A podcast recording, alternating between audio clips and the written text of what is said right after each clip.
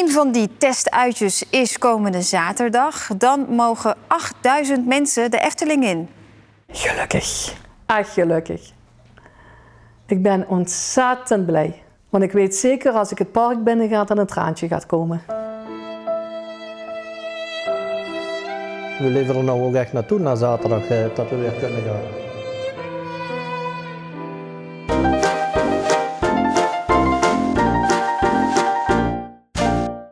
Aflevering 167 van Theme Talk van vrijdag 23 april 2021. Van harte welkom bij de Nederlandse podcast over pretparken en themaparken.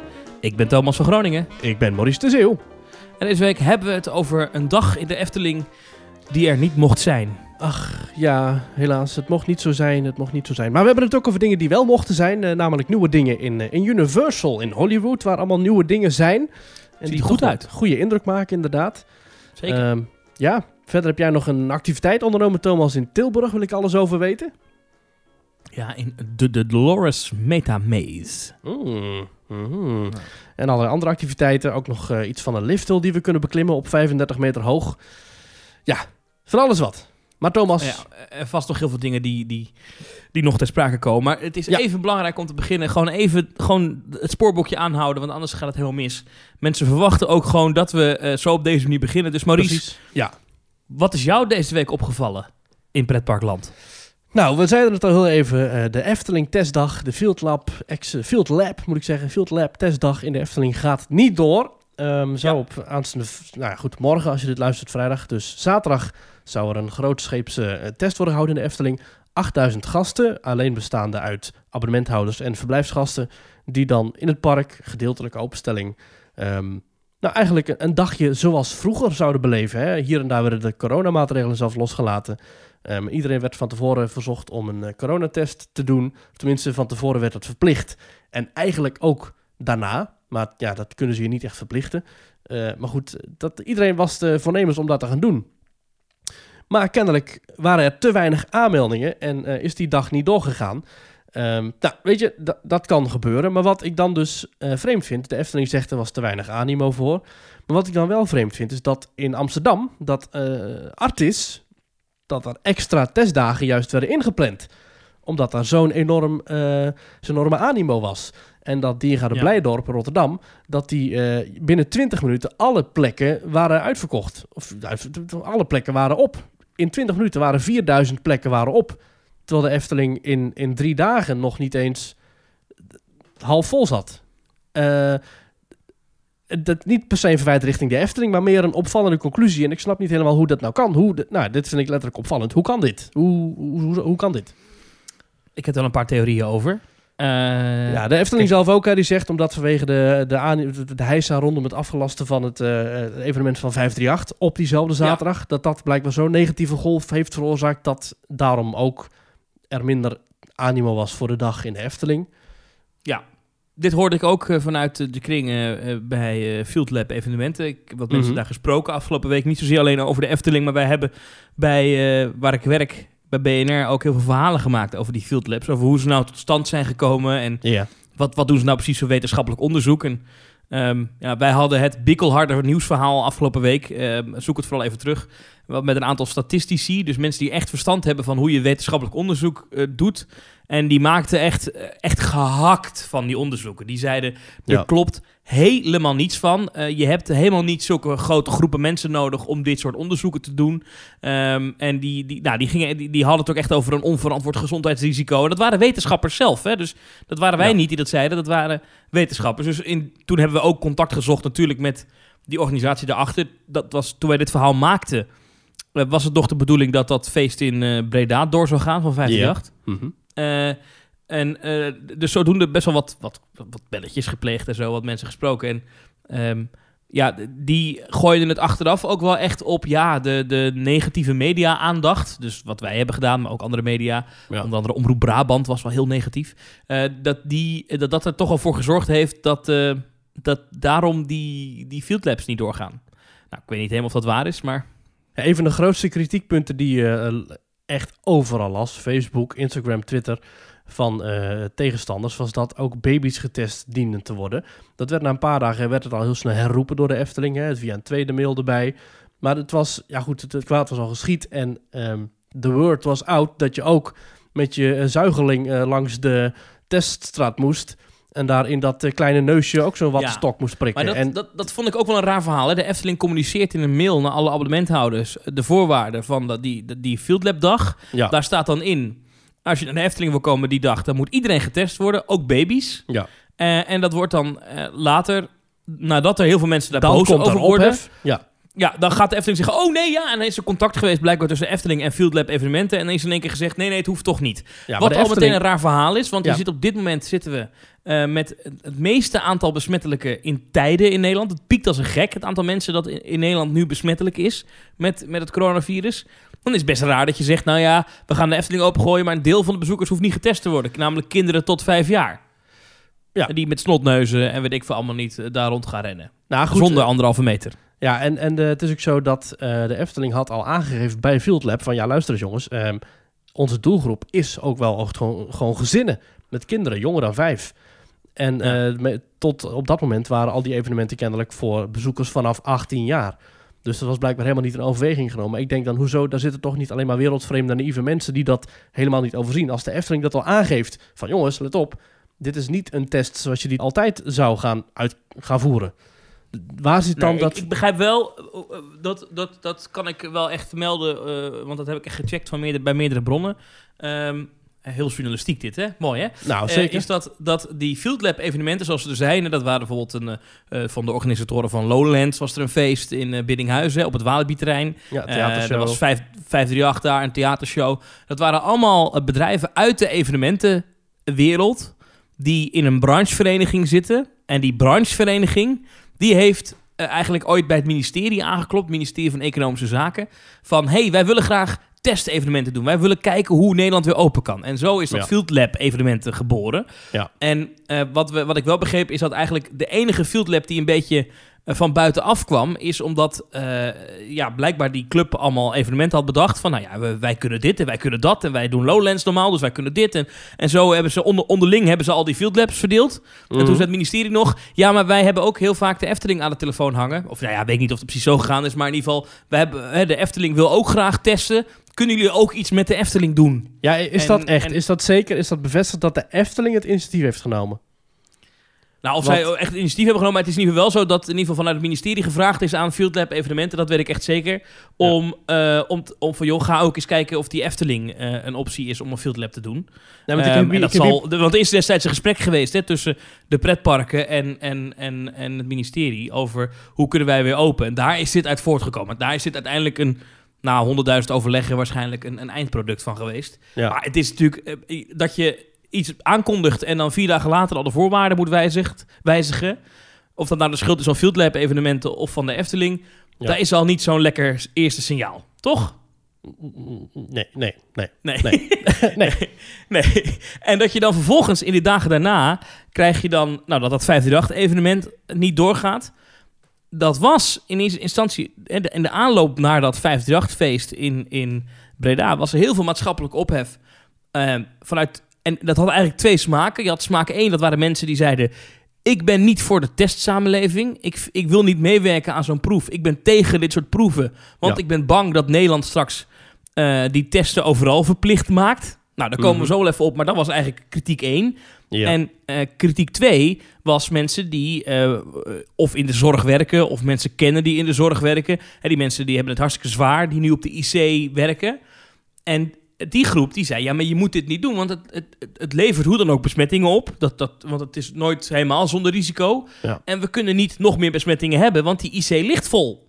En dat waren eigenlijk de twee eh, smaken. En uiteindelijk heeft Ja. de burgemeester van Breda toen gezegd... we gaan het niet doen, omdat er allerlei boze mensen waren... waaronder één groep, die anti-testsamenleving mensen... die ook Mhm. echt naar Breda wilden komen om daar te gaan demonstreren. En Mark Rutte Ja. vergeleek het met een eh, intocht van Sinterklaas... met, met, met al die protestacties. Ja, dat wil je niet hebben, zeker niet in coronatijd. Dus Ja. toen ging dat niet door. Ja, en die, diezelfde groep kondigde overigens ook aan dat, eh, dat ze ook bij de Efteling wilden gaan protesteren. Ja. Of het nou wel of niet doorging, zodat we ze eventjes eh, fijntjes konden herinneren aan het feit dat ze hier sowieso akkoord mee waren gegaan. Wat ik dan Ja, weer... ja, die groep Ja. mensen is heel boos. Maar die groep wil ik zo over bespreken. Ja. Ehm, maar Ook toen diezelfde ook, dag nog, toen dat 538-feest werd geannuleerd... toen ehm, maakte eh, eh, die organisatie achter de Zwarte Cross bekend... Hm. dat hun feest op 1 mei ook niet doorging. Of in ieder geval verplaatst zou worden, later. Hm. En volgens mij had op dat moment de Efteling ook moeten denken... oh, Hmm. als nu al die grote field labs niet doorgaan, moeten wij dan wel doorgaan. En op Ja. dat moment hebben we, ik kan het laten zien aan je, heb ik gevraagd aan, aan de communicatiemensen van de Efteling: gaat het door? En er was een heel stellig antwoord: ja, het gaat door. Ja. Ja, het, en ook op social media, want mensen gingen het meteen vragen aan de Efteling: gaat het door? Ja, het gaat door. Ze waren echt superstellig. Ja, punt. Het was echt punt. Het gaat door. Nou, Ja. en dat is denk ik een, een, een foutje geweest. Want eh, daardoor kreeg je ook weer die groep mensen die vonden dat het medisch niet verantwoord was. En die gingen zich ook eh, roeren. Eh, onder andere de baas van de intensive care van het Jeroen Bos ziekenhuis. En ook het ziekenhuis in Tilburg, het Elisabeth Twee Steden ziekenhuis, zei... wij vinden het niet verstandig, dat moet je niet doen. Ja. Nou ja, dat helpt allemaal al. is een hele slechte reclame natuurlijk. En, en, en wat jij zegt, die groep mensen die tegen die testsamenleving is, die ging ook weer boos doen. En er gingen van die berichten inderdaad op Telegram rond. We gaan daar actie voeren. Kortom, het was één hele nare cocktail. En uiteindelijk zegt de Efteling dan, ja, we zeggen het af vanwege te weinig aanmeldingen. Maar ik kan me zo voorstellen dat het een cocktail van allerlei dingen is geweest, waardoor dit uiteindelijk niet doorgegaan is. Want Nu principe- zagen we, we zagen nu natuurlijk ook wel dat er nog altijd... Kijk, je kunt als je een reservering wil maken voor de Efteling... kun je online checken hoeveel plaatsen er nog zijn. En dat houden ze dan een beetje discreet door dan te zeggen... eh, van half tien tot tien zijn er zoveel plaatsen. Eh, maar het is dan altijd eh, meer dan 25, dus 25 plus. Of 1, of 2, of 12, of 18, of zo. En bij alle tijdvakken stond er zelfs een dag later nog 25 plus. Dus ja, het kan zijn dat in alle tijdvakken er nog 30 plaatsen waren. Maar dat ja, denk ik niet. Ik denk dat er in al die tijdvakken nog veel meer plaatsen waren. En toen is ook het, ge- het getal van 4000 gasten kwam toen aan de, aan de oppervlakte. Dat heeft de Efteling toen gecommuniceerd. Ja, dat laat ook wel zien. Kijk, het is ook wel weer een mooi signaal. Wat dat betreft kun je het wel zien als een soort van test. Is er animo voor? Nou, de testuitslag is eh, nee, er is geen animo voor. Daar kun je ook misschien wel heel wat uithalen. En dan kan de, dan kan de hele branche, die Club van Elf, die we eerder deze week en vorige week ook al hoorden, die kan het weer aanvoeren als argument van jongens, kijk, zelfs de Efteling, het grootste themapark van Nederland, krijgt dit terug als resultaat. Mensen zitten hier niet op te wachten. nee. En we hebben het in, eh, we hebben het in Team Talk hebben we het niet heel vaak over musea. Eigenlijk eh, nooit. Maar eh, ik, ik wil toch even met jou een brief delen van enkele musea. waarin Ja. ze ook zeggen: ehm, wij zijn hier ook tegen, tegen testen voor toegang. Het komt erop neer dat ze zeggen: het, het initiatief lijkt op het eerste gezicht sympathiek. Iedereen snakt immers naar meer vrijheid. En we willen met z'n allen graag weer veilig ons publiek ontvangen. Maar er zit een behoorlijk adder onder het gras. Ehm, de musea worden namelijk op één lijn geplaatst met de evenementenbranche, dierentuinen en attractieparken. Terwijl er een groot verschil is, namelijk eh, op aantallen bezoekers op één locatie. En het zijn, het zijn doorstroomlocaties. eh, met in de meeste gevallen eenrichtingsverkeer en een beperkt en gemaximeerd aantal bezoekers per tijdslot. Verder is het alleen voor bezoekers met een museumkaart, dus dat is ook niet echt handig. Dus vrienden en donateurs die betrokken zijn bij de musea, maar geen museumkaart hebben, die mogen niet naar binnen. Oh, En eh, ja, dat was ook nog een, een voorwaarde voor die test. wist ik niet. En kleine en middelgrote musea zijn daarnaast, zegt de brief, qua bezoek voor een groot deel afhankelijk van toeristen uit de regio. Deze worden verplicht om vanuit hun vakantieverblijf heen en terug te rijden naar een teststraat, een x-bedrag per persoon voor een test te betalen en vervolgens af te reizen naar een klein of middelgroot museum in de regio. Gaan ze dit doen? Voor ons is dit geen vraag, maar een weet. Door invoering van deze wet zullen kleine en middelgrote musea niet profiteren van de opleving in bezoek, zoals ze tijdens de zomer van 2020 mochten beleven. Bovendien hebben musea in 2020 al bewezen dat ze met het oude museumprotocol veilig open kunnen voor het publiek. En daarin echoot dan weer eigenlijk die, die, die roep van de Club van Elf. Hè, van jongens, Ja. wij kunnen gewoon open, veilig, met afstand. Ja. Ja, nou dit gaat over die, die wet over die testbewijzen. Daar kunnen we het straks wel even over hebben, want daar zit wel wat nuance in. Ja, nee, maar ik bedoel, Ehm. maar van, van alle kanten wordt dit overladen met kritiek en negativiteit en geen animo. Mensen willen, het blijkt dus dat mensen toch niet graag eh, een wattenstaaf door hun neus laten halen om een dagje uit te gaan. Nee. Ehm, dat blijkt aan alle kanten. Ehm, en en, en dat, dat, dat, dat, dat, dat, dat wordt een heel lastig verhaal de komende tijd als de overheid dat toch wil. Maar daar zit dus een nuance in, maar daar wil ik het zo even met je over hebben. Maar ik wil eerst nog even, even, even terug naar de Efteling. Want ehm, Nou, dat mag niet, hè? ja, ik wil het toch doen. Nou, oké. Nou, Eh, vooruit. want ehm, we weten nu hoeveel abonnementhouders de Efteling heeft. ja, want dat is jou opgevallen, hè, Thomas. Dat is mij opgevallen. Er was Ja. een artikel verschenen op de website van Trouw. Ja. En eh, dat was een artikel over waarom die dag in de Efteling toch niet doorging. Hè? Dat, eh, daar ging dat eh, stuk over. Ook dat alleen, En- dat, dat zeg maar een, een grote Nederlandse landelijke krant als Trouw... dat die een, een artikel gaat maken over het, het, het, het falen van iets als van de Efteling. Dat, dat wil je toch niet als pretpark, lijkt me. Nee, nee het, het, het- laat ik zo zeggen, maar dit is iets wat, dit is niet nieuw. Dit is al jaren gaande, heb ik het idee, dat qua communicatie en vooral hoe zet je nou jezelf een beetje slim neer, dat, dat de Efteling daar ja, toch wel een beetje in blundert. Ja, Ja, sorry, maar dat gaat gewoon niet goed. Dat, dat, dat gaat gewoon echt niet goed. Als je het imago van de Efteling zeg maar eh, op een grafiek moet zetten, dan, dan gaat hij wel echt al een tijdje omlaag. En dat is natuurlijk zonde. Maar dat kan allemaal weer... Ik heb volgens mij al eerder gezegd, de Efteling heeft een afdeling communicatie en reputatie. En nou weet ik Ja. niet, maar volgens mij heeft zelfs de Hells Angels geen afdeling reputatie. Dus ik heb geen idee. maar goed, ja. Ja. Nee, maar ja. jou is Nee, opgevallen. Het, het gaat allemaal niet zo lekker. Maar daar, daar hebben we het al zo vaak over gehad. Maar wat dus opviel, is dat de Efteling eh, gaat dus niet door die dag. En dan het artikel had trouwens als kop, even precies zijn... Waarom willen zo weinig mensen op proef naar de Efteling? Nou, dat was een stuk bij Trouw. En daar werd in gezegd dat er 90.000 abonnementhouders zijn. Dus toen heb jij, want wij hadden dit besproken in onze Teamtalk appgroep. Toen had jij een tweetje geplaatst waar ik een beetje om moest lachen naar de journaliste die dat had geschreven. Hoi, waar heb je die 90.000 abonnementhouders van de Efteling bevestigd gekregen? Vraagteken. Of heb je dat ook gewoon overgetikt van Omroep Brabant? Ja, want het hele artikel van Trouw was gewoon een, eh, een integrale kopie zo ongeveer van het artikel van Omroep Brabant, waarin ze zelfs Bart Baan citeren. En Bart Baan is super toegankelijk en ontzettend benaderbaar voor iedere journalist. Dus dat iemand van Trouw dan een stuk van Omroep Brabant gaat overschrijven, Huh? vind ik dan toch wel ergens een soort van, eh, nou ja, Ja. niet het Ja, hoogtepunt dat is- van, goed, eh, die verdient geen tegel, om het zo maar te zeggen. Nee, nee. Maar toen stuurde zij... eh H, eh, Team Talk NL. De schatting van 90.000 kwam inderdaad van Omroep Brabant en stond ook elders vermeld. Dat had ik er even bij moeten zetten. Inmiddels Ja. heb ik de Efteling zelf gesproken. Oh, Zij gaan uit van 60.000 abonnementhouders. Dus dat is het getal dat ik nu ook heb toegevoegd aan Ook het mooi? Ik, artikel. ik heb, hallo, ik heb een artikel geschreven over de Efteling. eh, heb ik gepubliceerd. Inmiddels heb ik ook de Efteling zelf gesproken. dat is toch prachtig. Had je vooraf moeten doen. Maar eh, we weten nu... Ik, ik wist niet dat de Efteling zo schuitig was met cijfers. Maar we weten nu dus dat er ongeveer 60.000 mensen in Nederland... een abonnement hebben op de Efteling. Dat Ja. is, moet ik je eerlijk bekennen... fors minder dan ik altijd dacht. Ja, maar volgens mij, de Efteling is ook al nu al ruim een jaar eh, bezig met corona. Hè? Eh, het is natuurlijk al een jaar lang dat we tegen een Efteling aankijken. Die eh, toch wat, ja, een beetje kat in het nauw achtig gedraagt op alle vlakken.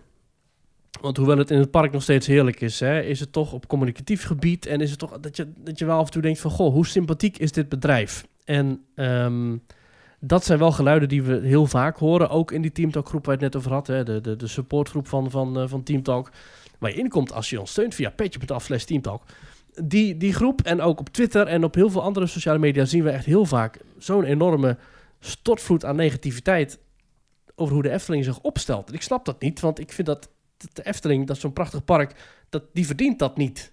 Maar kennelijk eh, gebeurt dat toch. En eh, ik denk dat ook die negatieve houding, eh, die wolk, en mede voor heeft gezorgd dat heel veel abonnementhouders denken van, nou weet je, eh, ik zit niet te wachten op monopoliegeld op mijn pasje. Ik zeg mijn abonnement gewoon op. Dus jij, jij speculeert nu even dat die 60.000... dat dat eh, een jaar geleden misschien wel veel meer waren geweest. Dat denk ik. Hoeveel Want meer? ik denk misschien wel, ik denk, denk dat die 90.000 niet per se uit de lucht komt vallen. Kijk, natuurlijk zijn er heel veel jaarabonnementen die aflopen. Hè? Mensen die gewoon voor een jaar hebben afgesloten. En dat die inmiddels niet meer eh, geldig zijn. En ik denk natuurlijk een hoop mensen hun maandabonnement... eh, dat ze die ook mochten opzeggen na 12 maanden. Maar dat hoeft natuurlijk niet voor iedereen te gelden. Er zullen genoeg mensen zijn die hem anders hadden aangehouden. Maar dat die nu denken van ja, ik voel mij niet serieus genomen als abonnementhouder. Ik wil geen eh, doorlopende afschrijving van mijn abonnementgeld elke maand. Terwijl ik dat terugkrijg als Efteling geld op mijn pasje met een vervaldatum. Ik snap dat wel. Ik zelf vind het geen enkel probleem, want wat ik al eerder zeg, ik ga naar de Efteling. En eh, binnen twee uur is dat bedrag op. Maar ik, ik snap wel dat mensen zich niet serieus genomen voelen en niet de optie krijgen om bijvoorbeeld eh, ja, het aantal dagen aan je pasje te laten toevoegen. Dat de Efteling gesloten is. Of om te zeggen, ik kies voor cash geld. Ja, wat ze eigenlijk wel zouden moeten. Maar ja, de Efteling heeft daar even... Maar goed, die discussie hebben we heel vaak gehad. Ik Ja. vind dat ook heel Nee, asociaal maar ik, van ik denk dat die, dat Maar- die wolk van negativiteit... Hè, en dan ook het hele verhaal met de Bosrijk-gasten... die in één keer moesten bijbetalen... om de aan hen beloofde openingstijden alsnog het park te kunnen bezoeken. Dat, dat zijn ook Ja, dingen, ja. Dat, dat, dat, zijn niet, dat zijn niet de positieve vibes die ik normaal bij een Efteling zou willen voelen. Nee. En nou goed, Ik had, ik, ja, ik had even zitten rekenen. 60.000 abonnementhouders is eh 1 miljoen 80.000 euro per maand dat gestort wordt op de bankrekening van eh, de Efteling. Daar gaat nog wel de kosten van de Ideal-transactie af. Hè. De, de, de, Ideal, hoe noem je dat? De, de afschrijving. Ehm, de, de, de automatische incasso, dat kost ook nog geld, geloof ik. Maar eh, laten we zeggen dat zo, en maar daar zitten de parkeerabonnementen dan weer niet bij. Dus laten we zeggen dat zo rond een miljoen euro per maand verdient de Efteling aan, eh, aan abonnementhouders. Valt mij nog mee, want dat is maar 12 miljoen per jaar. En de Efteling heeft eh, toch ruim 200 miljoen omzet. Dus eh, ik had dat meer verwacht, moet ik je eerlijk Maar- bekennen. dat is wel allemaal geld dat ze zo meteen niet gaan binnenhalen. Hè? Want ik zeg net, ik ga, als de Efteling weer open is, dan ga ik met mijn pasje ga ik het park in. En dan ga ik naar de eerste bezoekjes, ga ik daarvan mijn eten halen. Dus dan Ja, maar- verdienen ze niks aan mij. Ja, dat is niet helemaal waar, want dan, eh, dat is echt een gigantische winstmarge zit daar natuurlijk op. Want jij hebt eh, geld op je pasje staan en dan koop jij voor 2,80 euro een sausijzenbroodje. En dat sausijzenbroodje kost 80 cent inkoop. Snap je Dat klopt, Dus maar daar- ik zou dat ja. broodje normaal ook kopen. Ja, nee, dat, correct. Ja, correct. Dus het is, de Efteling is er veel aan gelegen om, als straks de boel weer open gaat, dat is sowieso zo hoor, maar om heel veel mensen binnen te halen die geen abonnement hebben. Ja. die moeten allemaal komen. Ja. Ja. Ehm, En ik gun dat de Efteling ook nog steeds. ja. Zullen we dan nog even terugkomen op die heropening van die parken? Want nu zitten we er toch bij. Dan gooien we even het format om. Eh, Ja. Dan gaan we zo naar de social media. en Maar- ook de stelling. Ik wil het ook even over de stelling hebben, want die heeft hier ook nog mee te maken. Oké, dan doen we alles op één hoop. Dat is wel zo mooi. Want Ja. waar ik even naartoe wil, is dat de Efteling nu dus overal communiceert. Vanaf 11 mei kunnen we open. Hè? Willen we open? Het hangt allemaal af van de ziekenhuisopnames. Nou, dat klopt. Dat heeft de overheid gezegd. Hè? Er is een openingsplan waarin staat dat vanaf 11 mei die pretparken open kunnen. Ehm, en daar is iets interessants mee aan de hand. Want als je vanaf 11 mei met de dierentuinen en de pretparken weer open zou kunnen, volgens het openingsplan, zonder toegangstest, waarom is er dan deze maand een pilot bij pretparken en dierentuinen geweest met een toegangstest? Nou, ik heb dit nagevraagd, waarom dit dus is. Oh. Eh, ja, want ik dacht eh, bij de mensen die dit bedacht hebben, van hé, hoe zit dit?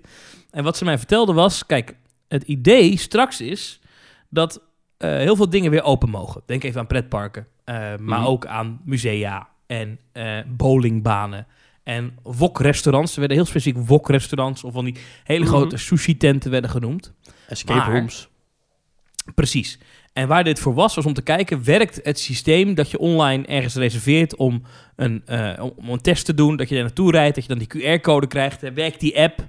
Is dat allemaal, eh, die corona-check-app, werkt dat allemaal? Want Ja. wat het idee van de overheid straks is, hè, er wordt nou ook een wet voor aangenomen, waar jij het net over had, is dat ze zeggen, alles mag weer open, maar er zitten nog steeds voorwaarden aan. Best wel strenge beperkingen. Nou, die anderhalve meter, die is sowieso. Of je nou met toegangstesten werkt of niet, dat blijft sowieso voorlopig.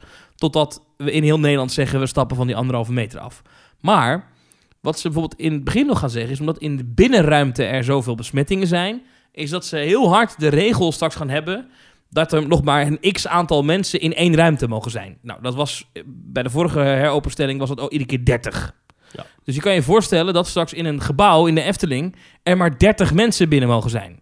Dus Pol's Keuken, daar mogen dan maar 30 mensen eten. Dat is best weinig. Daar kan de Efteling misschien niet zoveel geld aan verdienen. Hm, En ja. die wokrestaurants ook niet, want die willen 80 mensen binnen hebben of 100. En, en de bowlingbaan ook. En Ja. het idee van die toegangstest, en daarom was die proef afgelopen maand en nu nog steeds bij die dierentuin, is om te kijken, nou, die dierentuinen mogen open, dan met allerlei beperkingen. Als ze van die beperkingen af willen, dan kan dat ook. Dan kunnen ze zeggen, nou, op, ehm, laten we zeggen, op zaterdag en zondag laten we meer mensen binnen.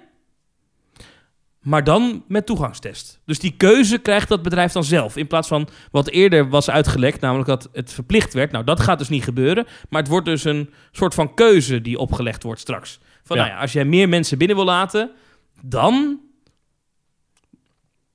Maar ik Dan begrijp je- eigenlijk uit jouw woorden, Maurice, dat, die, dat niemand het wil. Dus dit gaat, Nee. we doen het eigenlijk voor niks. Dan. Nou ja, dan zou je kunnen zeggen, als jij de Efteling in wil, geen probleem. Maar als je Fata Morgana in wil, wat een gebouw is, Ja. dan moet je aan de poort van Fata Morgana een, een check poortje ding hebben. Of zo. Ja, ik, nou, ik denk dat het dan wel dat de Efteling als één object geldt, zeg maar. Dus dat, eh, dat, maar dat ze het zo zien. En volgens mij er is een verschil tussen doorstroomlocaties binnen en doorstroomlocaties buiten. Doorstroomlocaties binnen, die moeten al waarschijnlijk in het begin, als ze open gaan in mei, als dat allemaal lukt, hè, dan wat- moeten ze waarschijnlijk wel met een check gaan werken. In het begin nog, de eerste paar weken.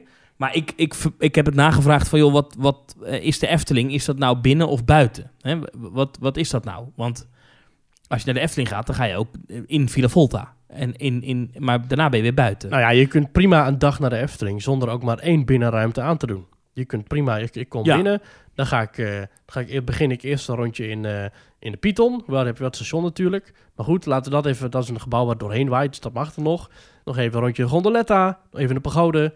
Eh, ik ga even een bankje zitten, dan haal ik nog even wat eten af bij eh, Rondje van de Molen van Polles Keuken, dat is ook buiten. Dan ga ik nog even door het eh, Sprookjesbos wandelen. Pak nog even een, een zweefmolentje op het uh.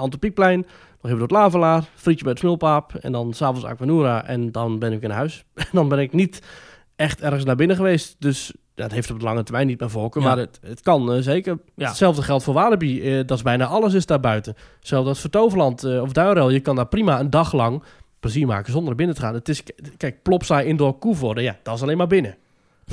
maar er zijn genoeg parken waar je ook gewoon, gewoon de hele dag buiten kunt recreëren.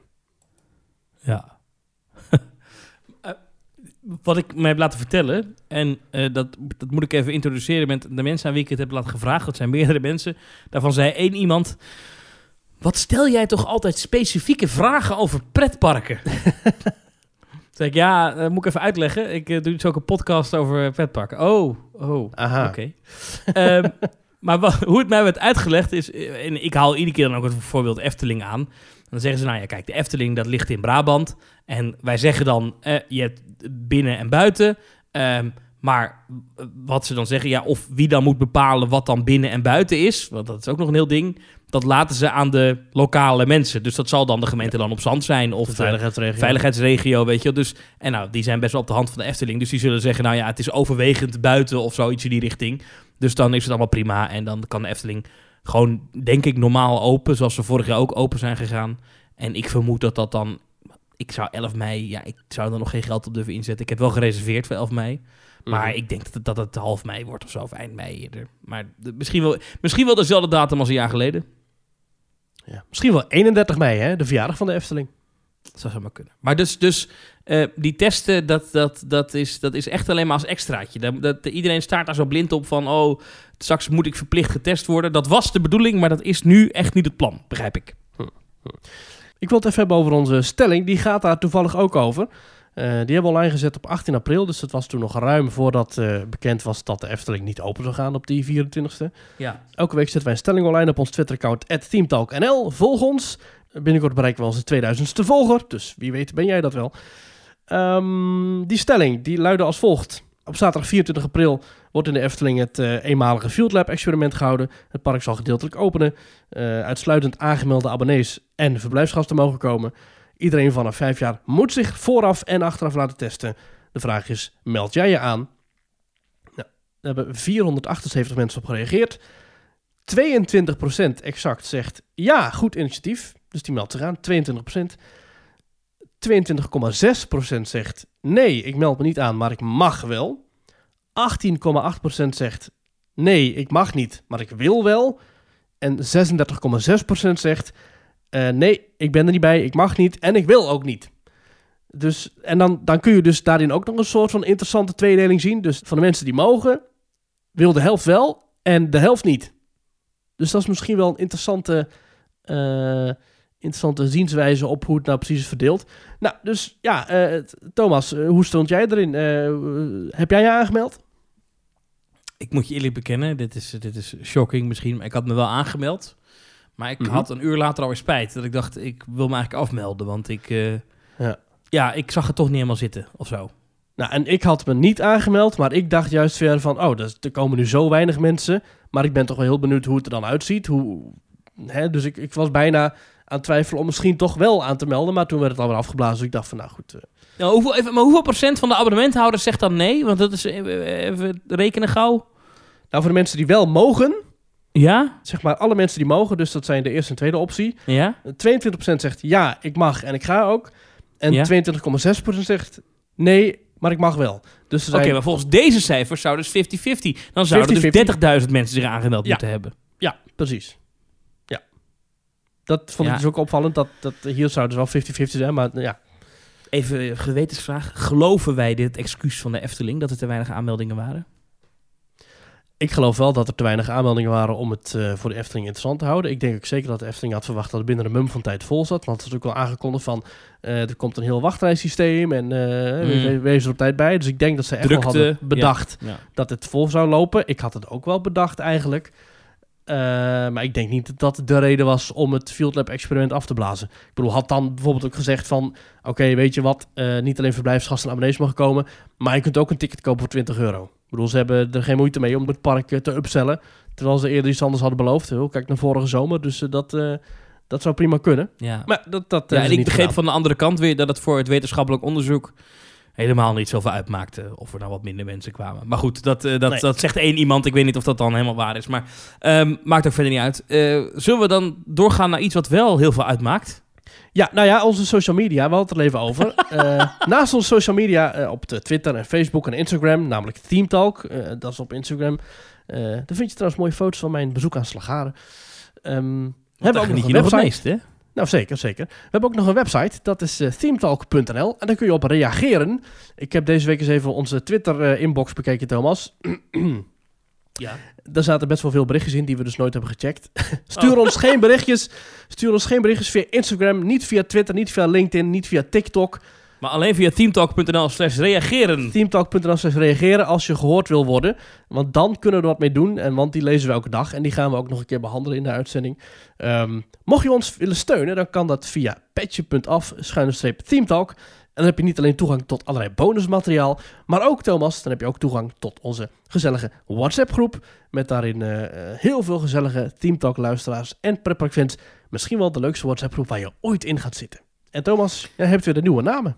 Ja, eh, we hebben weer een paar nieuwe mensen eh, binnen. Het zijn er in totaal vier. En ehm, ik weet niet, Maries, eh, had jij nou... Je had al even research gedaan, hè? Wat, wie waren deze mensen nou? Ja, ik had al even op hun LinkedIn-profiel gekeken, Thomas. Maar misschien moet je eerst even namen noemen en dan zal ik vertellen wat zij hebben Oh. gedaan. Nou, daar komen ze hoor. Jade Horemans, Dank u, dank u, dank u. Stef Beekhuizen, een anoniempje. Dus die noemen we Oh, die noemen we eh, Leo. Leo. En Ben van Vught. Ben van Vught. Dank u wel. Dank u wel. Dankjewel en wie zijn deze mensen?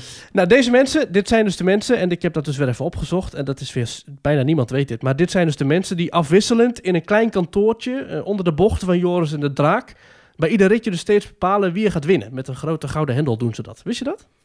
Nee, wist Ik ik heb niet. opgezocht in hun LinkedIn-profielen. Maar het zijn, dat dat doen ze bij de Disney Dish ook altijd. Dan zoeken ze altijd op wat, welke geheime carrières die mensen hebben. Dus die, die doen dat altijd eh, in het geheim. Bepalen zij wie er wint. Jade die vertelt erbij: Hoi TNM, trademark. Ik luister nu toch al bijna een jaartje naar jullie podcast. Dus ik vond het wel tijd om ook mijn petje af voor jullie af te nemen. Super. Dankjewel voor elke week deze fantastische podcast. Nou ja, Dankjewel. eh, graag gedaan. Ja. Ehm, dan hebben we nog een bericht van Stef. Stef die zegt: Dag heren, ik heb een vraag aan jullie. Eh Stef heeft ook net zijn petje afgenomen. Kijk. Hij zegt: Toverland heeft al een tijdje de droom om een hotel te bouwen. Persoonlijk vind ik het niet bij Toverland passen en ben ik meer enthousiast over een permanente camping. Maar wat vinden jullie? Hotel of camping? Ja, eh, weet je Stef, voor mij eh, zal een hotel het altijd winnen. Eh, ik ben een groot fan van hotels. Ik wil, ik wil door lange gestoffeerde gangen lopen met schilderijen, met thema muziek. Ik wil een prachtige luxe badkamer die helemaal voor jezelf is. Ik wil een grote receptie met kroonluchters en grote vazen. Ik wil een en al themabeleving. En hoewel ik echt heb genoten van de camping vorig jaar in Toverland, en ze gaan hem dit jaar weer opbouwen, eh, we gaan het er zo meteen nog over hebben, eh, ligt mijn voorkeur echt bij een hotel. Maar ik snap heel goed dat ze nu zeggen van weet je, voor nu doen we een, een camping. Maar ik verwacht echt wel dat Toverland binnen nu en eh, wat zal het zijn, vijf of tien of zo jaar, echt wel gaat kijken naar eh, een grote voorbeeld Europa Park. Waar ze toch al eh, aardig wat mooie hotels hebben neergezet. Zeker, ja. Ik moet je eerlijk bekennen, ik was jarenlang, dacht ik, Toverland en een hotel. Ik vond het ook een beetje grootheidswaanzin, dacht ik eerst. Van, hè, dat is toch alleen weggelegd aan de echt grote resorts. Want je moet toch gewoon minstens een park hebben... waar je minimaal een dag moet doorbrengen om een hotel te hebben. Ik kom daar een beetje op terug. Mhm. Nadat ik laatst... ehm, de v- verder familie die vertelde iets over, over dat ze met de kinderen ergens was geweest. En eh, dat daar een speeltuin bij was. Want die kinderen zich twee dagen lang helemaal suf hadden vermaakt in die speeltuin. En Ja. dat was een hartstikke leuk weekend weg. En toen dacht ik, ja, eigenlijk... Als je, nou, je moet het andersom zien. Hè? Mensen gaan een weekend weg. Ja. Eh, en als, eh, als je jonge kinderen hebt, dan is een hotel bij Toverland volgens mij een fantastisch idee. Eh, Ik of een huisje. denk dat ook. Want ik denk dat alleen al zo'n speelgebied in de Magische Vallei of zo, of whatever, dat dat, dat alleen al, daar kun je al zo al twee uur zitten. Ja. Eh, wij gaan gewoon bij die Katara Plaza broodjes eten en eh, bij het kampvuur zitten en kijken naar de watershow. En de kinderen die spelen dan bij die waterplek. Hetzelfde geldt. En- dus in de Magische Vallei heb je volgens mij al, al twee of drie speelplaatsen. Bij Avalon Ja. heb je een speelplaats bij Flaming Feather. Je hebt in Port Lagoon heb je allemaal één grote speelplaats met water. Dan heb je het nog niet eens over de binnenhallen. Hè. Dat, dus ik denk dat je zeker met kinderen is één dag echt niet genoeg. En eh, kijk bijvoorbeeld naar Plopsa. Plopsa heeft nu ook een hotel geopend. Hè. Dat is ook niet het allergrootste park, maar Plopsa heeft wel eh, het Plopsa Hotel geopend. Of ja, het is nog niet echt volledig in gebruik, maar dat, dat hotel, dat is wel echt, als je dat ziet, dat is echt prachtig afgewerkt. Met allemaal, ook weer allemaal decoratie en zo. Dat is denk ik wel een beetje wat eh, de nieuwe standaard is. Echt een themahotel. Een onderscheidend in die wereld van de themaparken. Eh, eh, waarom is een, een, een, een hotel bij een pretpark altijd toch net even ietsje anders dan een hotel in het midden van een stad? Of zo. Ja. Nee, ik geloof er ook wel in. Ik denk, het moet... Wij zitten denk ik te veel in dat Disney curse lijf als ik in ieder geval, dat je denkt, dat dat hoort alleen bij hele grote resorts. Maar klein beginnen, ik geloof er wel in. Een, Ja, maar- hotelletje. juist, juist door de hotels vind ik ook dat een themapark een echt een resort wordt. Want als ik naar Disneyland Parijs ga, er is geen dag, of laat ik zo zeggen, er is geen bezoek aan Disneyland Parijs voor mij, dat ik niet ook minimaal één avond of middag die hotels ga eh, bezoeken. Ik noem het altijd resort hoppen. Eh, Dan gaan we altijd eventjes gaan we een bar in, dan gaan we eventjes wat drinken, gaan we misschien even wat eten. Ik heb denk ik in ieder hotel van Disneyland Parijs al eens iets gegeten. En ik heb in ieder hotel eens iets wat gedronken. Maar ik heb nog lang niet overal geslapen. Maar ik heb wel al die hotels gezien van binnen. Ik vind het prachtig. ik hou er dat echt is van. wel een beetje apart hoor. Dat doen normale mensen doen dat niet. Nee, maar er zijn wel plekken waar je dus wel je oppervlakte mee vergroot. Je interessante oppervlakte wordt daarmee wel een stuk groter. Wij zijn ook gekjes. Wij gaan ook op begin openingstijd staan wij aan de poort en we blijven tot sluitingstijd. Er zijn ook genoeg gezinnen, denk ik, die misschien pas dan in de middag naar een pretpark gaan. Of die gaan tussen de middag even naar de hotelkamer. Dat kan, hè. En, en Toverland mikt er ook op. Als je ziet met die Halloween-dagen of met die zomerdagen. Dan zijn ze wel gewoon van 10 uur s ochtends tot 11 uur s avonds geopend. Met vuurwerk erbij, met cocktails, met een, met een dansbar. Dus ja, die ambities liggen daar wel in die logische lijn, denk ik. Nice. Nou, Overigens, dat Mooi. hotel, eh, dat hotel, dat is dan natuurlijk ook, denk ik, dat kun je ook prachtig integreren in die nieuwe themagebieden.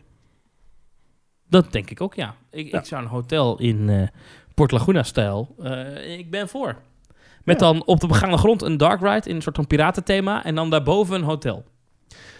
Dat zou wel, nou, dat zou wel vet zijn, want je hebt al wel hotels van pretparken die de ingang zijn. Kijk, Disneyland Parijs. Je hebt al hotels waar tegelijkertijd in hetzelfde gebouw ook een theater zit of een, eh, of een, of een hele speelhal, zoals bij Plopsaland, of een, een, een, een, een aquapark, zoals bij Plops Aqua. Maar een hotel met in hetzelfde gebouw een dark ride, die ken ik volgens mij nog niet. Eh, ik zit hard op te denken, maar ik weet het zo 1, 2, 3... Nee, ik denk het niet dat dat bestaat. Ik ben voor. Ik, ben ook voor. Wel natuurlijk een hotel waar een achtbaan omheen kronkelt. Hè? Dat hebben we natuurlijk al wel gehad. Daar zijn we wel in geweest, ja. Ach, eh, het Charles Lindbergh Hotel is dat in eh, Fantasialand... waar Fly omheen krult. Ja. Prachtig Misschien wel even leuk om gelijk even door te gaan over die, eh, over die hotels en de camping van Toverland. Toverland heeft bekendgemaakt dat die camping weer terugkomt. Ehm, vanaf 1 mei is de camping weer voor iedereen te boeken. Ook al is het park dan nog niet open. Ik vind dat wel een slimme keuze, want ja... ja, ik snap zien- dat niet helemaal. Want waar- wat, hebben- wat hebben mensen daar aan dan? Dat is toch zelfs in Slagaren. Ik heb het ook een heerlijk weekend gehad, ondanks dat het park niet open was. Maar ik kon wel, Ja, je mocht er wel rondlopen. Hè. Je kon daar gewoon broodjes halen. Je kon je eten afhalen of laten bezorgen bij je huisje. Eh nou, hetzelfde bij die camping van Toverland. Je kunt wel, er zijn allerlei extra activiteiten. En dit jaar is die camping, die komt dus terug vanaf 1 mei tot en met eh, september zelfs. Even kijken, ik heb hier de specifieke datum. Tot en met 5 september is dat. Dus je kunt nu elke dag van het zomerseizoen, ook al is het park niet open, blijven slapen. En er zijn dus extra eh, activiteiten. Je kunt een, eh, een tour maken door het park. En dit is, en dit is even voor voor de duidelijkheid, dit is tot met 10 mei. Dus als het park sowieso nog gesloten is, dan kun je een outdoor tour maken door Toverland. Neem met een Toverland-medewerker. Een exclusief kijkje op plaatsen die normaal voor je gesloten blijven. Dus dat is gratis. Het survival parcours is open en gratis. Ja, de tovertuin met speel, eh, speelplekken en alles. eh, doolhof, waterspeelplaats, speeltuin is open en gratis.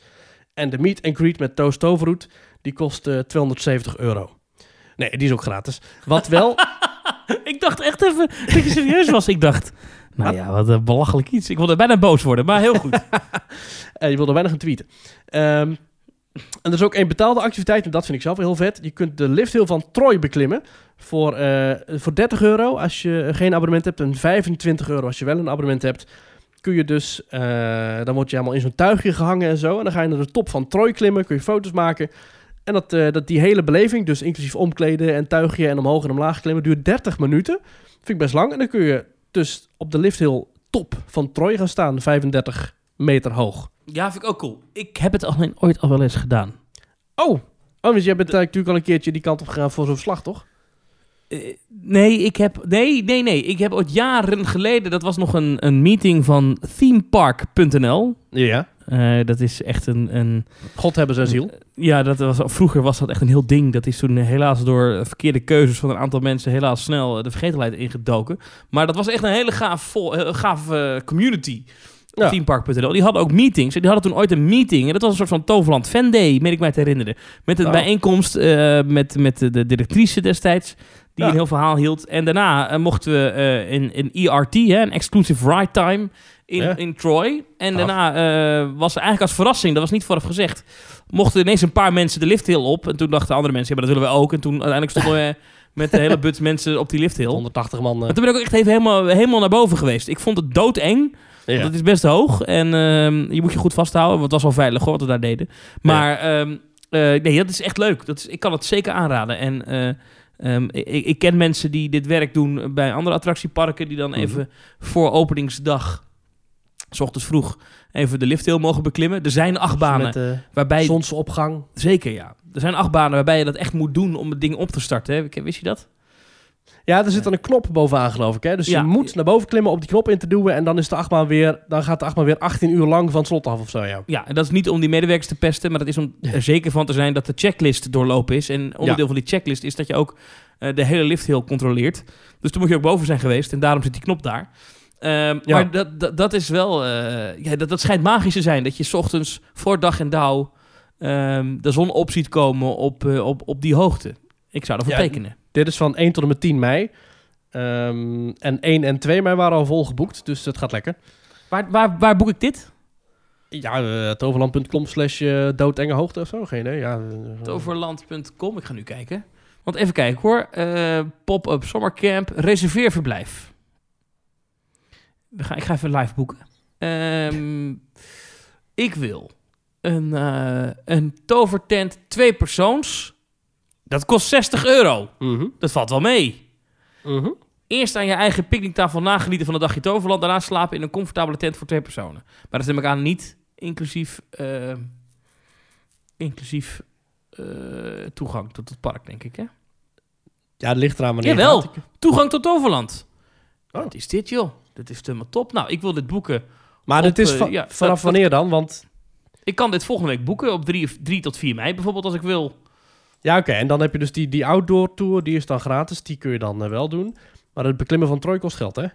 Ja, snap ik. Ja, maar eh, maandag, maandag op dinsdag, aan- dinsdag. Ik ben vrij volgende week. Jij vrij? Ja, ik, ben- ik heb een week vakantie. Wat is dat nou Mijn- weer? Mijn vakantie. Dit is toch leuk? Ik ga, dit, dat, ja. Oh, misschien ga ik dit wel boeken, maar het is nog lang niet uitverkocht, toch? Voor de doordeweekse dagen. Boek nu. Oh, Nee, en de kans als een tent kiezen. Dit is helemaal super. Waar wil ik staan? Even kijken. Ik wil eh, zo dicht mogelijk bij die achtbaan. Even kijken hoor. Hoe werkt dit dan? Oh, ik kan alleen deze kiezen. Even kijken. Zo dicht mogelijk bij Troy. Dan Ja, gaan ik. mensen vanaf die lift heel in jouw tent kijken, Thomas. Ik wil tent 85, wil ik. Dit wil ik! Moet je vooral hardop zeggen. Dan komen al die mensen bij tent staan. Oproep aan iedereen binnenkort niet bij tent 85 komen staan omdat Thomas staan ligt. Even kijken. Ehm, eh, even de antwoorden. Even, eh, een belangrijke vraag. Mogen huisdieren mee? Niet dat ik die heb, maar... Ja, weet niet. Je hebt toch een kat? Ja. Nou, misschien wel Mona inderdaad wel mee. Even checken. Nou, Kijk eens aan. Wat genieten dit, joh. Nou, leuk. Hartstikke leuk. Wa- Wat hadden we nog meer op de lijst? Want er moesten nog een hoop andere dingen Nou, bespreken. ja, over, over belevingen die jij hebt meegemaakt eh, gesproken. Thomas, jij bent in, eh, in Tilburg in Dolores geweest. ja. Moet je Ja. wel even zeggen waarom je daar was, want het is niet open. Nee, Dolores is eh, dicht. Dolores is een, is het, voor mij is het voormalig postkantoor uit mijn hoofd. Mhm. Dat is een vrij groot gebouw. Daar zit, eh daar zit, staan- staan er twee delen. De een is de rooftop. Dat is gewoon een bar. En Ja, ik Daar heb daar gegeten heel- vorige zomer. Ja. Of twee zomers geleden misschien alweer. Dat was lekker Vond je het tijdens de kermis. Ik heb daar heerlijk gegeten. Ja, op het dak met ook een zonsondergang. Dat was tijdens de kermis. was heerlijk. Ja, ja, Ja. dat was wel wat. Ja. wij worden hier niet voor betaald, voor de duidelijkheid. Het is geen sponsor. eh, Nee. Want er is wel een serieuze reden om dit in Team Talk te bespreken. Want Mhm. een, een bekende van ons, eh, ik zal niet zeggen wie het is, want dat maakt verder niet uit. Maar die, eh, Ja. die doet een, een afstudeeronderzoek. Ik weet wie het is. Maar die doet een, een, een studieopdracht. dat hij voor de, de Dolores Meta Maze Mhm. eh, uitzoekt wat er beter kan en zo. En dat mogen ze dan Ja. ook doen. Dat mag blijkbaar in, in coronatijd. Door iemand helemaal in zijn eentje in die attractie te laten. Dus ik was daar... he- er was verder niemand. Ik was daar helemaal alleen. Wat ook best wel freaky is. Want het is namelijk een doolhof gemaakt door kunstenaars. En ik woon daar echt op drie minuten lopen vandaan. Maar ik was er nog nooit naartoe geweest, omdat Ja. ik dacht, het is een doolhof gemaakt door kunstenaars. dus daar, daar- ja, daar hoef ik niet heen. Daar- daar is, nee, waar moet ik daar nou? Ik, ik dacht, dat is gewoon een soort van museum waar ze... Oh, je moet om het kunstwerk heen stappen. Oh, dat dacht ik dat het was. Dus ik ging ook met dat vooroordeel daar naar binnen. Nou, Ja. ik, ik ga niet spoilen, want dat is niet de bedoeling. Maar ehm, ze hebben een nieuw systeem. Dat is dus als het straks weer open gaat, dan gaan ze dat gebruiken. Dat je binnenkomt, dan heb je online je tickets gekocht. Dan moet je dat bij een apparaat, moet je dat dan... eh zeg maar, hoi, ik ben er, dit is mijn reservering, dit ben ik. En eh, dan scan je naar je tickets. Dan krijg je op dat scherm in die hal een hele vette video te zien. Ik vond echt qua voorshow video dat ik dacht... Nou, nou, dat, heeft, dat is niet verkeerd, vrienden. Dat is Pretparkwaardig. Zeker pretparkwaardig. En het, het, Oh. het, het idee van die, dat, dat, dat die maze, die dolhof, is dat je ehm, je even helemaal verliest in een andere wereld. Eh, en hoewel dat Ja. heel kunstzinnig is in dit geval, het is op het zweverige af, is het wel echt een hele andere wereld. Ook de manier waarop je er naar binnen moet, is zo apart. Ik ga het niet spoilen, want dat, dat, dat is echt zonde. Mhm. Ehm, maar ehm, de, de, de, de, de aankleding en de, de theming, want het is echt theming. Op een gegeven moment heb je het gevoel dat je in een menselijk lijf zit. Dan heb je weer het gevoel dat je in een, in een, in een, in een nachtelijk bos bent. Dan heb je weer, je moet ook kruipen op een gegeven moment. Een heel, heel stuk Mhm. moet je kruipen.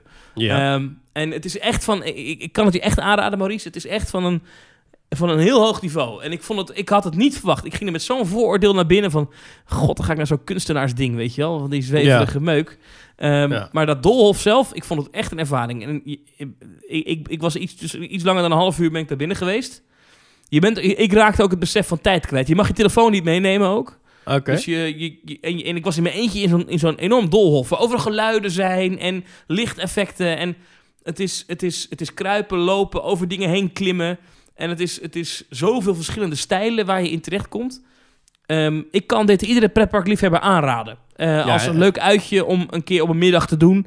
De Dolores Metamaze. Ik vond het echt... Het heeft mij echt overrompeld. En het Ja. mooie hieraan is, is dat... ehm, eh, wij hebben het vaak over escapisme. Hè? Het, het in een andere wereld zijn. Mhm. Dat is hier echt goed gelukt. Eh, het is, het is, eh, en het rare was, is dat, dat ehm, als je daar binnen bent, dan kan het op een gegeven moment ook best een beetje claustrofobisch aanvoelen. Of dat je Mhm. denkt, ik moet hier uit. Dat, dat, dat hebben sommige mensen. Ik had het niet echt, maar ik kan me het wel voorstellen. Maar het rare was, het is daar binnen zo vredig. Ja. Dat op het moment dat je naar buiten stapt, en dat is dan ook echt bam, dan ben je er echt uit. Dat is, dat is wel grappig gedaan ook. Ja. Ehm, dan kan je ook niet meer terug. Oh. Dan, dan, dan verlang je terug om weer daar binnen te zijn. En ik, ik had het Oh. s'avonds lag ik in bed. Toen verlangde ik terug om daar weer binnen te zijn. Oh. Ja, want je kunt daar zo lang blijven als je wilt, toch? Er is wel een soort van route en er is wel een soort van tijd voor geblokt. Maar het is niet dat ze na een half uur zeggen van, nou, daaruit. Nee, nee. Het is, je kan al blijven de hele dag daar binnen. En je gaat, ook al ga je met vijf vrienden die kant op straks, eh, je gaat één voor één naar binnen. Dus het is in principe een individuele ervaring. Maar je kan elkaar wel tegenkomen. Alleen dat had ik natuurlijk niet. Ik kwam niemand tegen. Ja. Dat, was wel, dat is wel apart hoor.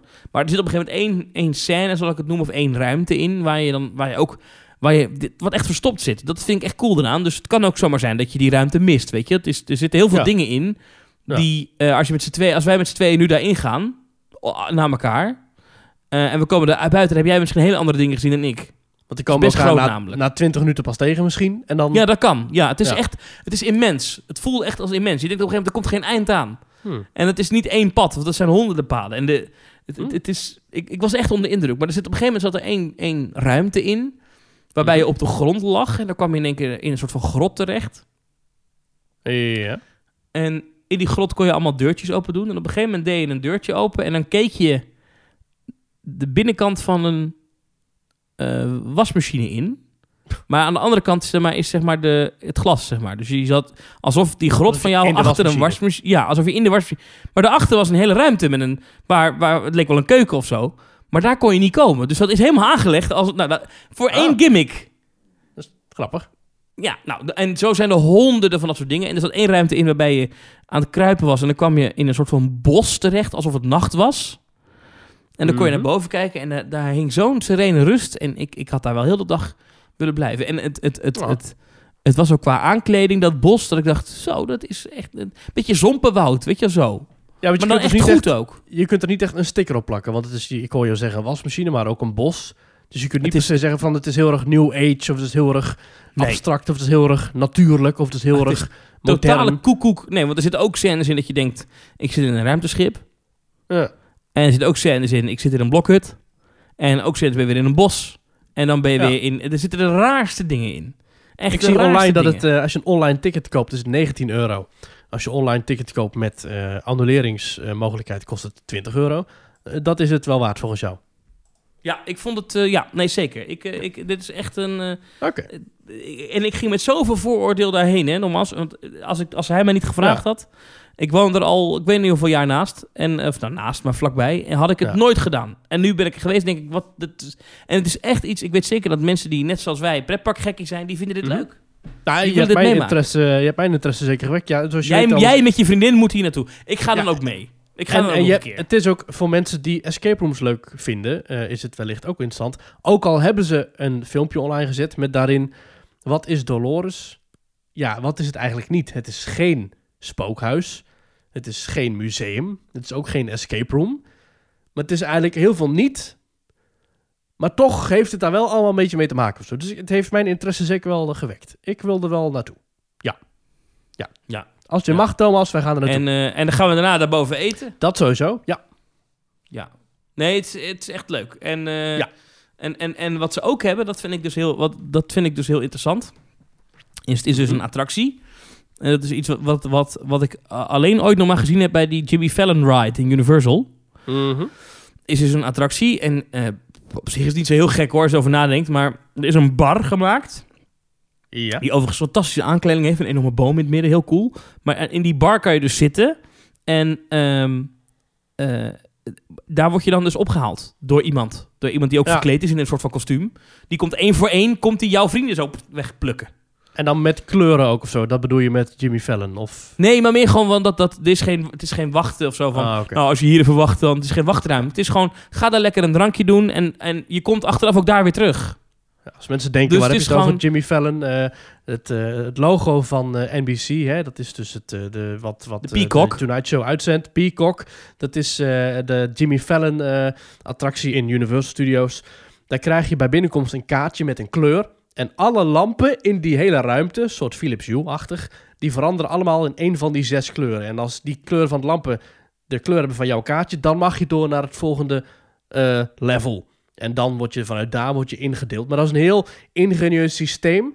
En al die tijd dat je beneden bent, dan kun je een soort museum bekijken met allerlei oude eh, video's van de Tonight Show, met allerlei requisieten, met gewoon allemaal echt soort memorabilia van die Tonight Show.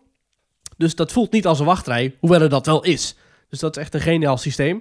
Eh, en dat hebben ze hier dus min of meer eh, eh, geadopteerd, begrijp ik.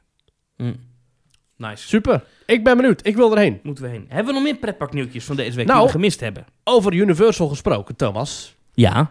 Hoe goed kun jij een dinosaurus nadoen? Oh. Oeh, dat is wel eng. Dat is wel goed. Ja. Nou, nou, ik denk dat ze ook wel zo iemand hebben ingehuurd om in eh, Universal eh, Hollywood een, eh, een dinosaurus na te doen. Want daar is namelijk sinds deze maand het park sowieso weer open, hè? dat is ook heel fijn. En Thomas, als we dit horen op 23 april, volgende week 30 april, gaat Disneyland Anaheim weer open. Maar op dit moment is Universal Studios Hollywood alweer geopend. Met daarin toch wel twee zeer belangrijke nieuwigheden. Namelijk de nieuwe finale van Jurassic World The Ride. Dat is die attractie die eh, ooit opende als eh, Jurassic Park eh, The Ride. Ehm, en later werd ze omgevormd tot Jurassic World The Ride. Daar is nu een nieuwe finale geïnstalleerd met rondlopende dinosaurussen. En het ziet er echt super vet uit. Ik weet niet, heb je het gezien Thomas, het filmpje? Ja, ik heb het bekeken, ja. Ja, het, is, het, het, het ziet er heel gaaf uit. Ik wil er naartoe. Ja. Die attractie is, ik heb even de Wikipedia erbij getrokken, die is geopend op 21 juni 1996. En die is dus dit jaar helemaal, of tenminste vorig jaar eigenlijk al grotendeels gerevamped naar het thema van Jurassic World. De, de nieuwe filmserie die is gebaseerd op Jurassic Park. Ja. En ehm, er zijn wat nieuwe dinosaurus neergezet, er zijn wat dinosaurus vervangen. Er is ook een, eh, een nieuwe scène in het begin gemaakt met eh, die, eh, die, die onderwater dinosaurus, weet je wel. Die in een soort aquarium zit waar je langs vaart. Ja, dat zijn schermen. En dat wordt toch wel vaak Universal verweten van nou, hè, ga je naar Universal, dan ga je naar zo'n schermenbonanza. Maar die finale van die huidige Jurassic World, dat is een en al animatronics, een en al robots. En aan het einde dan ga je dus omhoog, die lift wil op. Dinosaurus is losgebroken, allemaal vreselijk rampspoed. Oh nee, help, help, help. En daar, net voordat je naar beneden stort, is daar een gigantische animatronic van die Indominus Rex. En dat is de, een nieuwe, nog grotere, nog engere, nog sterkere eh, dinosaurus... die daar in een soort van gevecht gaat met die Tyrannosaurus Rex die daar altijd al hing. Je duikt er onderdoor en het is echt... Zelfs op het filmpje is het al verbluffend om te zien. Ik vind het echt fantastisch. En ik ben heel blij dat Universal nu echt die kant op gaat van de grote nieuwe eh, animatronics. En dat zien we ook terug in een nieuwe dark ride in het park... die geopend is onder de naam eh, Secret Life of Pets Off the Leash... Nou, Mhm. Thomas, je had het net al even over jouw kat. Eh, heb je die film gezien? Secret Life of Pets? Ja, heb ik ooit gezien. Ehm, Ah. ehm, eh, maar ik vond de ride, om even te zeggen, ik, ik was echt blij verrast door deze attractie. Ja. voor, het is vrolijk, het is kleurrijk. Ik vind de decors mooi, ik vind de muziek goed. Ehm, eh, het is eigenlijk, eh, nou, nee, perfect is overdreven, maar het is, het is een goede attractie. Voor Universal zeker. En het is, eh, het, het, doet mij heel erg denken aan de Little Mermaid. attracties Ah, die ik Disney in Californië bedoelt, en in Florida heeft. Qua Ja. vrolijkheid, qua uitstraling. Het is niet van het hoogste afwijkingsniveau. Dus je rijdt wel echt door een studio, zullen we maar zeggen, met lampen aan het plafond. Maar dat geeft niet, want de, de, de sets zijn hartstikke leuk. Er zijn zoveel kleine en grote animatronics te zien van honden en katten die heen en weer slingeren, eh, konijnen eh, die met een drone over je heen vliegen, eh, piano's waar katten overheen lopen, complete honden die in brand staan. Je wordt zelf ook gezien als een soort hond. Aan het einde word je ook geadopteerd door een lief gezinnetje. Ehm, je wordt gewassen, je wordt gedroogd. Er zijn allerlei gave effecten. Ik heb bijvoorbeeld een stukje gezien van een van die honden uit de film. Die, die zie je zwemmen in een soort aquarium. Dat is, een, Mhm. dat is een scherm. Maar vervolgens zie je op het scherm dat die hond naar boven duikt. En dan komt er uit het schuim komt er een animatronic hond, diezelfde hond. En die, Ja, gaat goed, hè? dan, die loopt dan, die, die, die, die baddert dan een beetje als animatronic. Baddert hij een beetje naar links, zwemt hij naar links. En vervolgens duikt hij weer onder. Dat wordt dan weer een scherm. Nou, het is zo goed op elkaar ingespeeld. Ook een, eh, een hond die, eh, waar de staart van in, in brand staat. Die hond die blaast zijn eigen staart uit. Maar je ziet wel dat die staart dus aan het gloeien is. Er komt rook van die staart af. En er is ook echt een klein eh, luchteffectje ingebouwd. Waardoor het ook lijkt alsof het ook echt aan het blazen is. Dat ziet er zo natuurlijk uit. Ja, die vond ik ook leuk, ja. Die, ik- die, die wordt ook heel veel gedeeld, hè. Die gaat viral, Ja. TikTok. Ja, ja, ja, echt. Het, het, het zit zo goed in elkaar. Ja, ik had niet verwacht het ooit te zeggen, maar ik denk dat Universal hiermee echt een betere Dark Ride heeft neergezet dan, eh, eh, nou ja.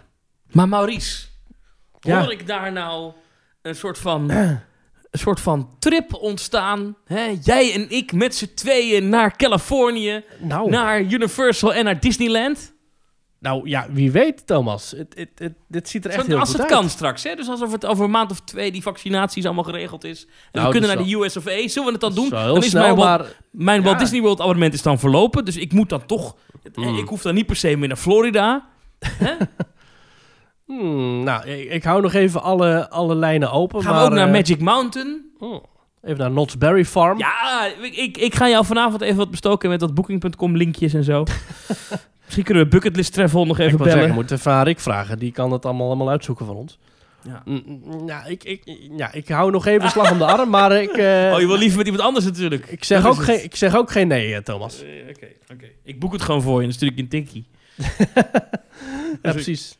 Ja, dat je mij dan een eh, bericht stuurt van... je moet hier even klikken, dit is leuk. Nieuwe foto van, eh van eh Off the Leash, de nieuwe Dark Ride. En dan krijg ik zo'n Rabobank betaalverzoek of zo, weet je wel. Ja. moet- Bedankt voor uw reservering. Hè, wat? hey, mag ik een kopie van jouw paspoort? Nee, ge- gewoon zomaar. Nee, dat is even voor, voor de administratie. Is dat, ja. Alright. Hm. ehm, ja. Dus, leuke nieuwe toevoegingen in de Universal. Ik ben er echt heel tevreden over. Ik neem aan dat ze binnenkort bij eh Upperlot, de Nederlandse Universal podcast, er nog wel over gaan hebben uitgebreid. Maar eh, ik ben er alvast heel benieuwd naar en ik wil het ooit een keertje zien. In echt. ja, ik ook wel. Moeten we het nog even hebben over het nieuwtje dat, dat eh, Loopings vandaag had. Die had dan een heel uitgebreid artikel. Die had dan een, een, een, een van de recreatie-expert gesproken. Die zei dat het dolfinarium te dode opgeschreven was. Oh, nou, ik heb het daar wel. eh, ik, ik heb dat niet gelezen. Ik heb wel gehoord over, eh, eh, over het dolfinarium in Zoo Inside, andere Nederlandse podcast over dierentuinen. Mhm. Dat ze daar niet echt verwachten dat dat nog tien jaar lang zo goed gaat. Nee, nee, Dolfinarium ja. heeft een heel nieuw plan. Hè. Ze hebben bedacht, we gaan minder dieren doen. Mhm. We gaan mensen meer wat leren. Dus die shows die blijven dan wel. Maar dat worden dan geen trucjes meer. Maar dat is dan educatie. En er worden ook Mhm. gelijk amper nog even twaalf dieren verhuisd naar het buitenland. Eh, maar deze, het is be- best wel een aardige leestip ehm, om even reclame te maken voor de concurrent. Maar dat geeft niks. Eh, recreatiedeskundige Hans van Leeuwen. eh, die maakt zeg maar in eh 1, 2, 3, 4, 5, 6, 7, 8 alinea's. Dat hele plan van het dolfinarium met de grond gelijk. Dolfijnen gehakt van. Ja. Hmm. Ja, hij zegt dat er een, eh, een, een, een, een, verblijfsaccommodaties moeten komen en er moet eh, meer teaming komen. En het moet helemaal anders allemaal. Over loopings gesproken, eh waar is die podcast heen? De Loopings podcast, die is er toch gewoon? De laatste aflevering was van 28 februari. Ja, maar het is coronatijd. Dus Ja. het zal straks nog wel weer terugkomen. Maar we kunnen het Wij dus doen toch ook elke week een show? Hallo, wat Ja, is maar- dat zeg? Wij zijn, wij zijn bikkels. Wij doen al, al, al eh, wat is het, Wij zitten al in, 165 eh, weken? Wij zitten al in ons vierde jaar, joh. Ja, gaat Nou, goed. over. Ja. Waanzin. Ja. Maar, ehm, nee, dus... dus Trouwens, dat Zoo Inside, ik wil heel nog even reclame maken voor Zoo Inside. Die hebben dus afgelopen week een, eh, een, een podcast gemaakt, een show over Animal Kingdom. Nou, als je nou echt even wil wegdromen, luister dan even naar Zoo Inside. Want die hebben dus een soort van digitaal verslag eh, gemaakt. Ze zijn er niet echt, helaas. Maar die, hebben dus, eh, die bespreken dus door de ogen van een dierentuinliefhebber... bespreken zij Disney's Animal Kingdom. Dus eh, luister dat. Zeker een goede tip. En Animal Kingdom, Thomas, het is vandaag donderdag 22 april... Earth Day. En dat betekent dat vandaag Animal Kingdom ook jarig is. Dat is namelijk op Earth Day 1998 geopend. Dus vandaag blaast Animal Kingdom 23 kaarsjes uit. Ah. En daarmee eh, kunnen wij toch wel zeggen dat dat toch wel een van onze favoriete Disney parken is. Ja. Zeker. Ja. Er was toch iemand, ehm, of nou niet zomaar iemand, eh, Tom, die eh, mailde ons nog, ehm het vond ik wel een aardige mail, dat deed hij via eh teamtalk.nl slash reageren. Hebben jullie Ja. wel eens uitgerekend hoeveel mensen er in de Efteling mogen als de Efteling een Albert Heijn was? Ik wel, uitroepteken. nou, wat, wat, wat heeft hij nou gedaan? Ja, dit is, dat is dus onze luisteraars. Die mensen worden door mij helemaal geïndoctrineerd met die coronaregeltjes. Maar voor supermarkten geldt op dit moment de regel dat er één klant per 10 vierkante meter binnen mag. Ja. Ehm, dus als je eh, de Efteling is 72 hectare, dan kom je uit op 72.000 bezoekers. Zou de Efteling dan. Maar nou moet ik wel zeggen, een, een, een, de oppervlakte van een supermarkt is berekend op waar je allemaal kan lopen. En dat de Efteling is natuurlijk niet 72 hectare beloopbaar. Dus, maar ja, het is. Nee, maar de Efteling zegt zelf ook altijd van... wij zijn zoveel voetbalvelden groot. Dus die, eh, die houden daar ook geen rekening mee. Nee. Eh, deze, ook nog, deze, nog een, ja, deze man heeft echt een, heeft hele graphic gemaakt. Eh, als je kijkt bij de overige winkels is er één klant per 25 vierkante meter. Het theoretisch maximum is dan bij 2811 vierkante meter 112 klanten. En Mhm. dat zou dan bij de eh, Efteling betekenen dat de Efteling op één dag 28.800 bezoekers mag binnenlaten. Oh, Dat is een drukke dag hoor, dat is een drukke dag. dat kan prima. Maar er zit een mogelijk maximum van 50 klanten hè, in, in die eh, openstelling van die winkels. eh, voor die Mhm. grote winkels. Eh, dat zou dan 56 vierkante meter per klant zijn. Ehm, en dan, als je dat dan doorberekent, dan komt de Efteling uit op 14.400 vierkante meter per bezoeker. Als je dat zou doen. Als je maar Dat is 50 aardig, mensen eh. binnen zou laten. als je dus, of als, ja, dus als je met z'n 50 in de Efteling bent, dan heb je 14.400 vierkante meter voor jezelf. Het zou een interessante test zijn. Misschien dat er een keertje een organisatie moet zijn die dan een testdag houdt in de Efteling of zo. Met wetenschappelijk onderzoek. Ja, Hmm, nee, dat ik zal ga er wel gelijk Andreas komen. Vos bellen. Misschien vindt hij het wat. Hmm. Thomas, ik denk dat we deze, deze statistics wel even kunnen tweeten op ons account ThemeTalkNL. Ja, kunnen we wel even doen. Ehm, Ivar die vraagt ons nog... welk achtbaan-element vinden jullie het gaafst om te beleven? Groetjes, uitroepteken.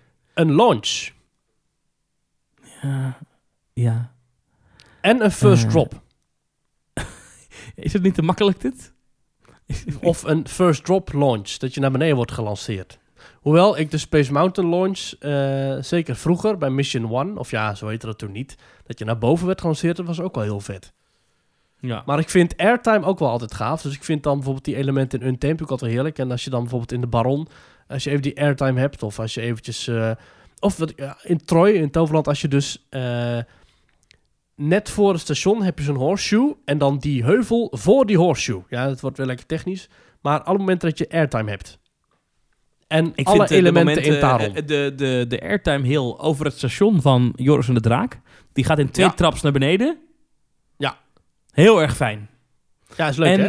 en eh, Untamed, eh, dat eerste element, ik weet niet hoe dat heet. Dus je komt na de lift heel, heb je het hopje en daarna ga je Dat omhoog. is die, dat is die outside banked turn, die eh, in het begin.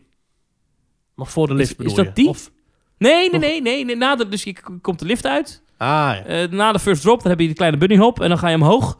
En dan komt er Is dat een corner stall? RCDB, heet die double inverting stall. Ah, Oké. Dat je twee, ja, Nou goed. Maar dat vind ik echt, dat, oh, dat is toch gaaf. Eigenlijk gewoon alle elementen waarin vrijheid en, en, en airtime centraal staan. En wat mij betreft dus ook alle elementen in Taron, want dat is toch de allerbeste achtbaan ooit. Ja, ja. Eh, welke elementen? Ja, ja. Nou, de wachterij. Nee. Eh, dus nee, maar dat vind ik een gaaf element. En, de maxifoto vind ik ook altijd een heel fijn element, de maxifoto. En heel veel mensen hebben ons de beelden toegestuurd van de opening van de halve maan. Dat stond ook laatst op Twitter, kwam dat voorbij. Beelden uit de jaren 80, 39 jaar geleden. Eh, mocht je dat nog niet gezien hebben, het, het, het, het zwaart rond op het internet. Waar kunnen mensen het vinden? Nou, tweeten we ook wel even. Ja. Ehm, maar ja, dat ziet er prachtig uit. Ja, jij hebt ook gekeken of niet? Eh, nee, nog niet. Ik heb wel gekeken naar de beelden van Samson en Gert, die verslag doen van de opening van Disneyland Parijs. Daarin werden wij ook meegenomen op Twitter. Was ook wel leuk. Was echt van, oh Gert, dat is de Mickey Mouse. Dat was echt heerlijk om te zien. Heel goed. Maurice, volgende week. Ja. Wat is er dan? Dan eh, is het aflevering 168. en dan is het, als het goed is, wat ik al zeg, dan is Disneyland Anaheim geopend. teamtalk.nl slash reageren. En dan Ja. spreken we elkaar volgende week. Nu alweer zin in. Tot volgende week. Tot volgende week.